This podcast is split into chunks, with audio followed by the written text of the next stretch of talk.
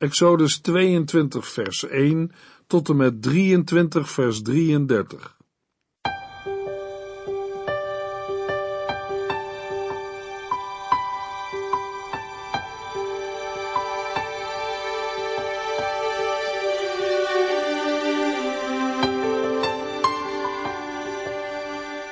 Hartelijk welkom bij De Bijbel Door, een programma van Transworld Radio. De Bijbel Door is een radioserie die u in vijf jaar meeneemt door de hele Bijbel. Van Genesis 1 tot Openbaring 22.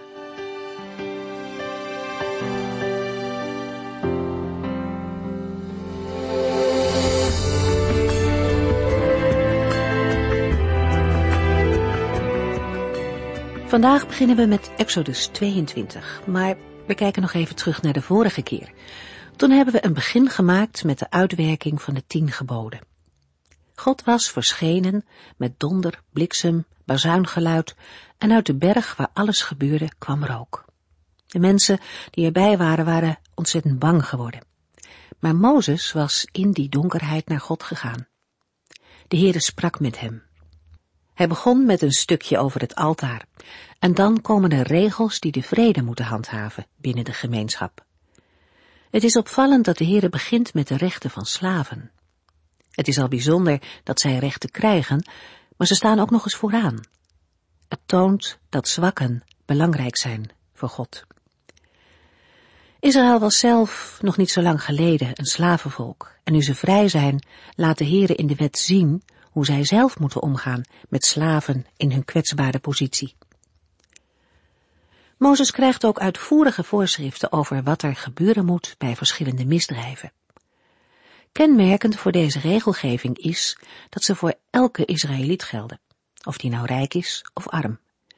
Rechtvaardigheid is een wezenskenmerk van God zelf, en hij verwacht dan ook eerlijke rechtspraak onder zijn volk. Omdat elk mensenleven heilig is voor God, komen mensen niet weg met mishandeling en het moord. In dat geval geeft God aan dat zij hun misdaad met de dood moeten betalen. Daar zit een vorm van vergelding in.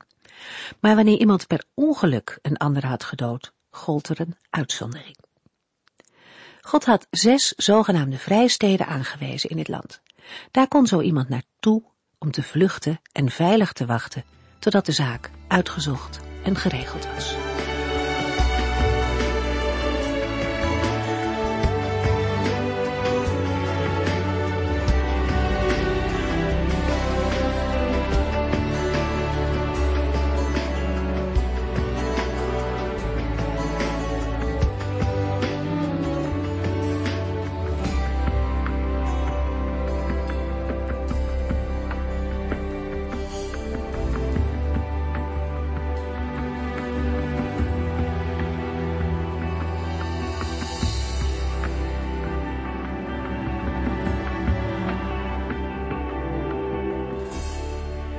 Aan het begin van Exodus 22 staan wetten over diefstal van vee.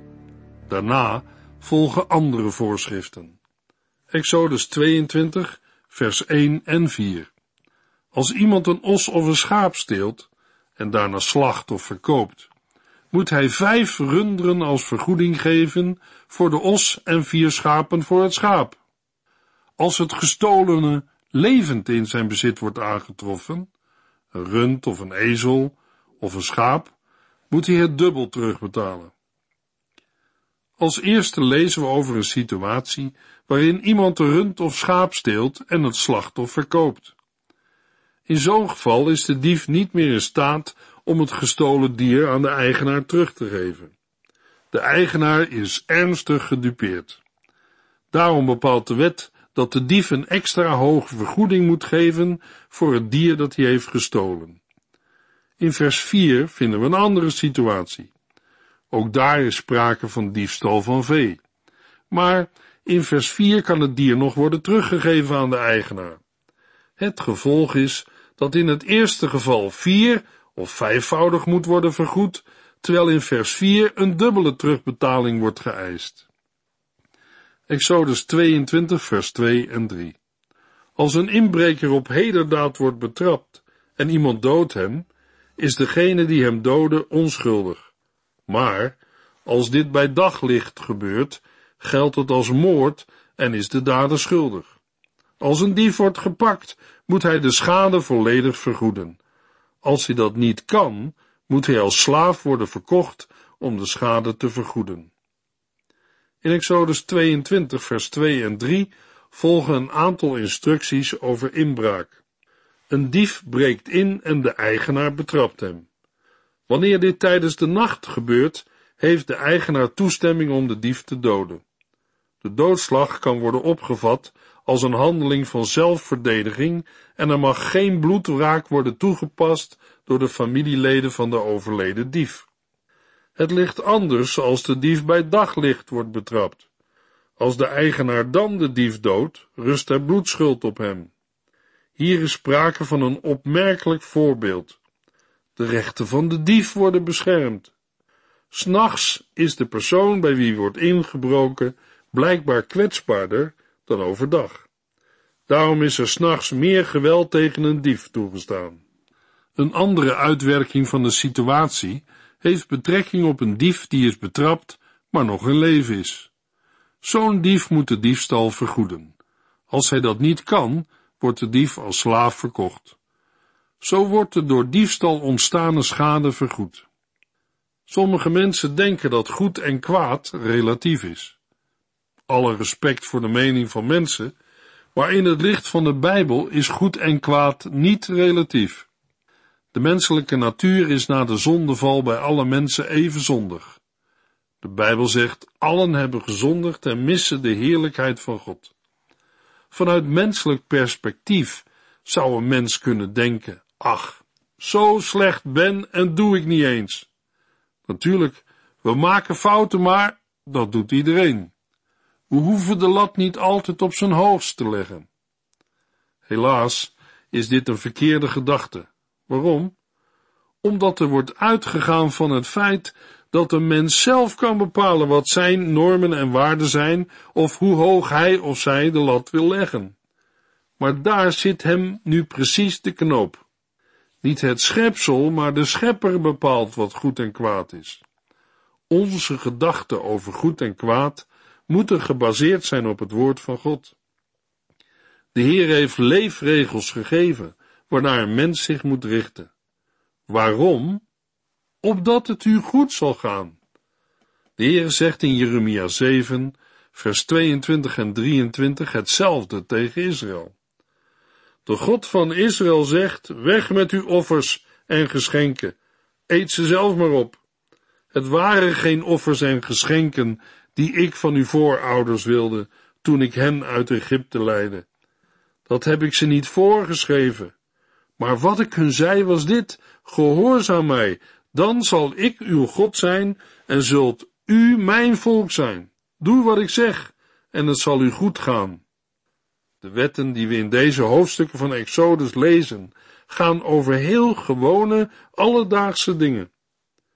Wetboeken zijn vaak niet de boeiendste boeken die een mens kan lezen. Toch zijn de meeste wetten die wij vandaag kennen op deze voorschriften gebaseerd. We mogen vandaag blij zijn dat er een gebod is gegeven. U mag niemand doodslaan. Het beschermt uw en mijn gezin en familie. We mogen blij zijn dat de Bijbel zegt: U mag niet stelen. Het beschermt ons bezit. Deze en andere wetten zijn de grondslagen om in onze maatschappij de orde en het recht te handhaven. Na een concrete uitwerking van het gebod U mag niet stelen, volgen er instructies over het recht jezelf te beschermen. Het betreft de nachtelijke confrontatie met een inbreker. In het donker kan het komen tot een doodslag. De doodslag kan worden opgevat als een handeling van zelfverdediging en er mag geen bloedwraak worden toegepast door de familieleden van de dief. Volgens dit principe is het gerechtvaardigd dat iemand zijn bezit, zijn huis en zijn geliefden beschermt.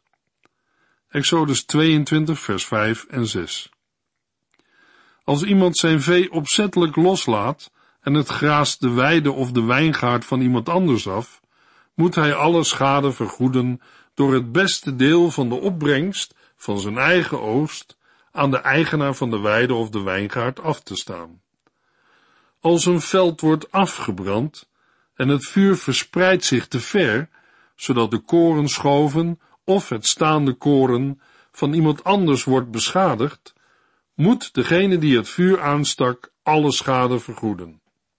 Na de voorschriften over het stelen van vee volgt nu een tweetal geboden over het berokkenen van schade aan veldgewassen van een ander. In beide gevallen zijn nalatigheid, zorgeloosheid en onvoorzichtigheid de oorzaak van de schade.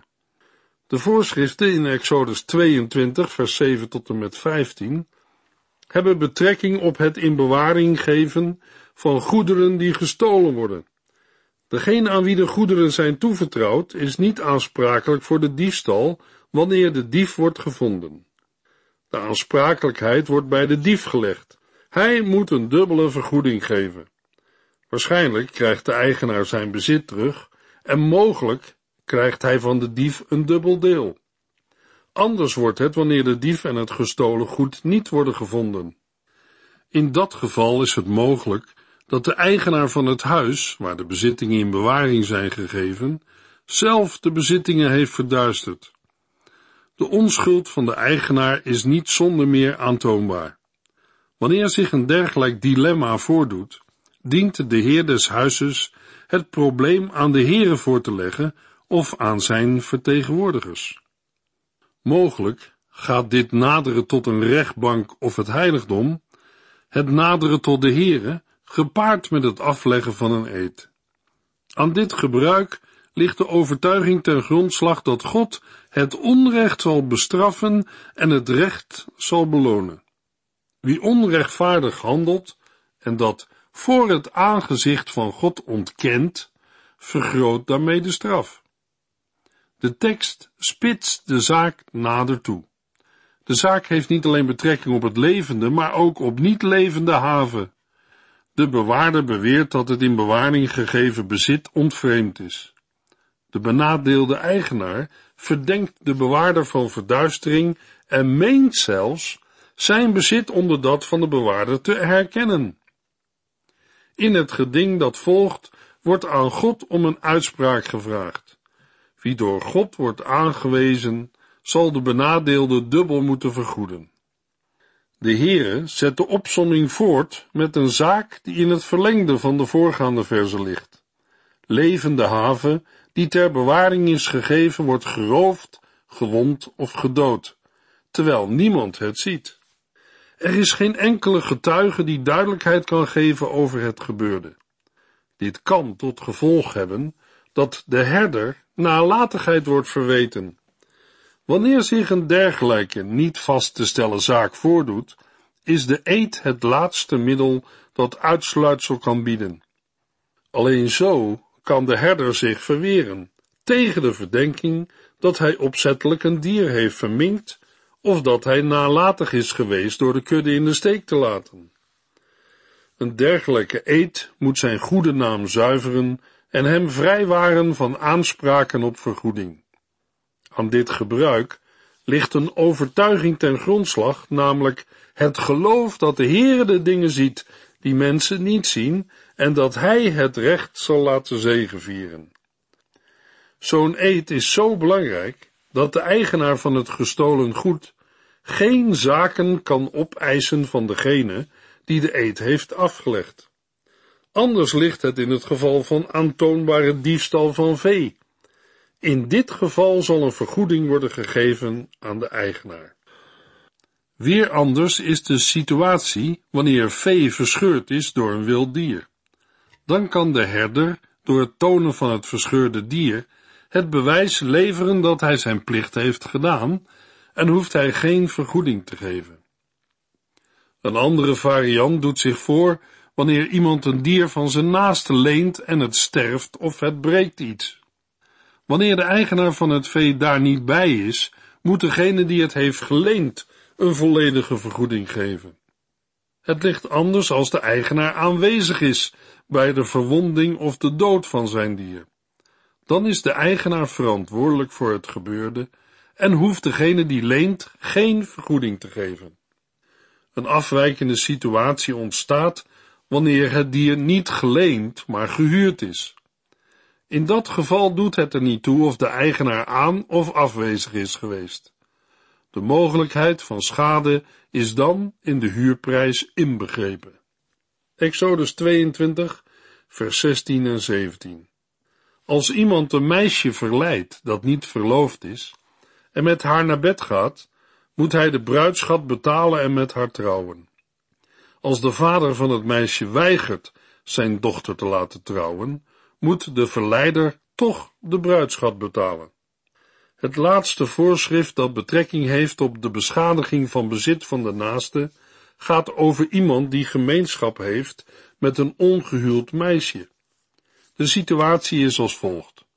Een nog niet getrouwd meisje weet de toenaderingspogingen van een man niet te weerstaan en staat gemeenschap toe. Dit betekent niet automatisch dat hij recht heeft om met haar te trouwen. Trouwen kan alleen als hij de bruidschat aan de vader betaalt. In die tijd kon een huwelijk niet zonder toestemming van de vader tot stand komen. Hij houdt zich het recht voor om het huwelijk te weigeren. Wanneer dat gebeurt, bestaat het gevaar dat het meisje niet meer uitgehuwelijk kan worden, omdat ze geen maagd meer is. Hierdoor leidt de vader ernstige schade. Om schadeloos gesteld te worden, kan de vader dan de volle bruidsprijs aan de man vragen. Exodus 22, vers 18. Een tovenares moet worden gedood. De eerste van drie praktijken die de doodstraf tot gevolg hebben, is de zonde van de tovenarij. Vers 18 spreekt over het optreden van tovenaressen. Hoewel in Israël ook tovenaars hebben bestaan, is het waarschijnlijk dat de aandacht zich richt op vrouwen. Dit omdat zij een belangrijkere rol hebben gespeeld in de uitoefening van de magie dan mannen. Een tovenares moet worden gedood. Deze strenge straf moet worden gezien in het licht van de verbondsluiting. Als heilig en afgezonderd volk van God heeft Israël de opdracht om geheel aan de Here te zijn toegewijd. Exodus 22 vers 19 Iemand die seksuele omgang met een dier heeft, moet worden gedood. De tweede gruwelijke zonde bestaat uit seksuele omgang met dieren. Dit druist volstrekt in tegen dat wat de Heer heeft geboden in zijn scheppingsorde. Ook in dit geval dient de doodstraf tot uitvoering te worden gebracht. Exodus 22 vers 20 Iemand die behalve de Heer ook nog andere goden dient, moet worden gedood. De derde zonde die leidt tot de doodstraf is afgoderij. Het is uitgesloten dat iemand die aan de Heer is gewijd voor een andere God zal buigen. Wanneer een Israëliet dat toch doet, verbreekt hij de verbondenheid met de Heere en zet daarmee zijn voortbestaan op het spel, wat zichtbaar wordt gemaakt in de uitvoering van de doodstraf. Exodus 22 vers 21 Een vreemdeling mag niet worden onderdrukt of uitgebuit. Denk eraan dat u zelf ook vreemdelingen in Egypte bent geweest. Met vers 21 begint de Heer het pleidooi ten behoeve van een groep kwetsbare mensen in de samenleving. Het eerste voorschrift gaat over de vreemdelingen. Hij of zij is vanwege politieke, economische, sociale of andere omstandigheden gedwongen om zijn land te verlaten en vindt bescherming bij een ander volk, in dit geval Israël. Vreemdelingen bezitten geen land en zijn vaak in dienst van een Israëliet. Deze Israëliet is zijn Heer en beschermer. Deuteronomium 24. Dat is nodig, omdat hij niet onder de bescherming van zijn eigen stam of volk staat. Vreemdelingen zijn vaak arm en daarom behoren zij tot de zwakkeren onder het volk. Zij verdienen bescherming en mogen niet onderdrukt worden. Immers, de Israëlieten zijn zelf vreemdelingen geweest in het land Egypte. Zoals de Heere zich in Egypte over de Israëlieten ontfermde, zo moeten zij zich ontfermen over de vreemdelingen in hun midden. Naast deze eerste groep, roept de Heer op om wees en weduwe niet te onderdrukken. Exodus 22 vers 22 Weduwen en wezen mogen niet uitgebuit worden. Ook weduwen en wezen behoren tot de kwetsbaren onder het volk en moeten beschermd worden. De Heere, die alles ziet en hoort, draagt als de almachtige koning persoonlijk zorg voor hen. Wanneer zij roepen, helpt hij hen. Onderdrukkers van wees en weduwe moeten op effectieve wijze worden gestraft. De mannen sterven door het zwaard, waardoor hun overgebleven vrouwen en kinderen aan de lijve ervaren wat het betekent om wees en weduwe te zijn. Exodus 22 vers 25 Als u geld leent aan een arme broeder van uw eigen volk, mag u geen rente vragen, zoals u normaal wel doet. Een andere kwetsbare groep zijn zij die gedwongen door de omstandigheden genoodzaakt zijn om geld te lenen bij een rijke. In de versen 28 tot en met 31 van Exodus 22 wordt voorgeschreven op welke wijze de Heere gediend wil worden. Aan het eind van het hoofdstuk herhaalt de Heere de oproep om de eerstgeboren zonen en het eerste van de opbrengst van het land aan hem te geven. Israël moet een heilig volk zijn, apart gezet voor de Heere. Vanaf Exodus 21 tot en met 22 vers 17, het eerste gedeelte van het bondsboek, worden de wetten gekenmerkt door concrete situaties. Situaties die vragen om regelgeving. Daarna volgen geboden die niet direct met één situatie zijn verbonden. Zij werken één van de tien geboden uit. Exodus 23 begint met wetten voor het gedrag tegenover de naaste. Exodus 23 vers 1 U mag geen valse geruchten verspreiden, help een schuldige niet door als getuige iets te verklaren waarvan u weet dat het niet waar is.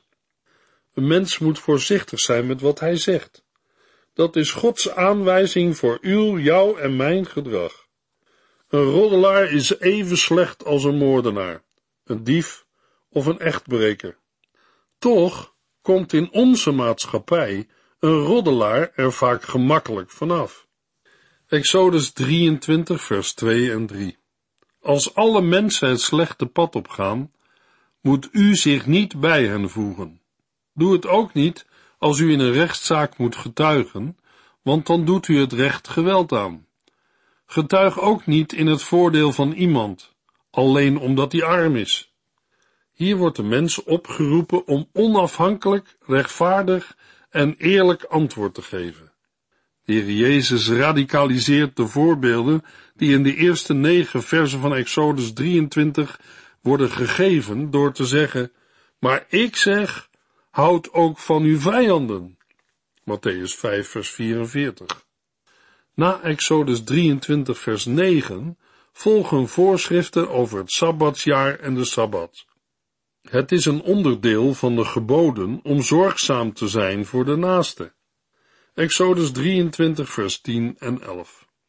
Zes jaar achtereen kunt u uw land inzaaien en de oogst binnenhalen. Maar het zevende jaar moet u het land met rust laten en braak laten liggen. De armen kunnen eventuele gewassen oogsten en de rest is voor de dieren. Datzelfde geldt voor uw wijngaarden en olijfbomen. Het doel van het Sabbatsjaar is de zorg voor de zwaksten in de samenleving. Ook geeft de Heer aan dat de in het wild levende dieren van de vrucht van het veld mogen eten. Voor deze dieren draagt Israël ook verantwoordelijkheid.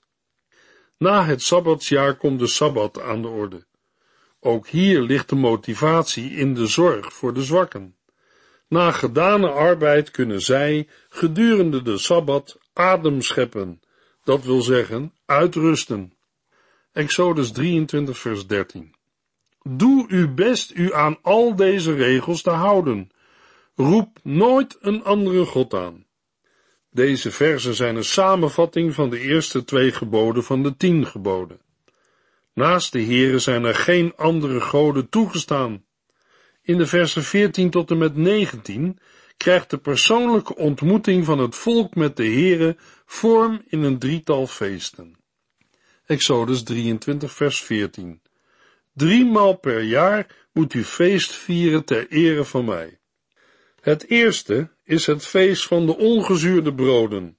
Zeven dagen lang moet u ongezuurde broden eten, zoals ik heb bevolen. Het tweede is het oogstfeest, waarbij u mij de eerste opbrengst van uw oogst aanbiedt.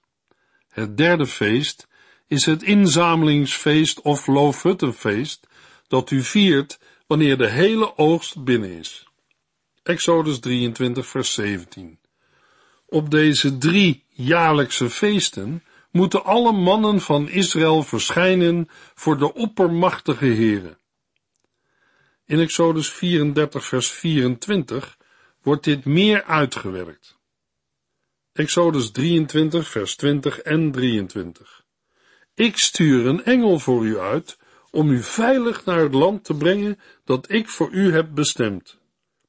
Houd hem in ere, gehoorzaam hem en spreek hem niet tegen, want hij zal u dat niet vergeven. Hij is mijn vertegenwoordiger en draagt mijn naam. Want mijn engel zal voor u uitgaan en u brengen in het land van de Amorieten, Hethieten, Perizieten, Kanaanieten, Gewieten en Jebusieten. Ik zal die volken vernietigen. Met deze verzen belooft de Heere zelf mee te gaan.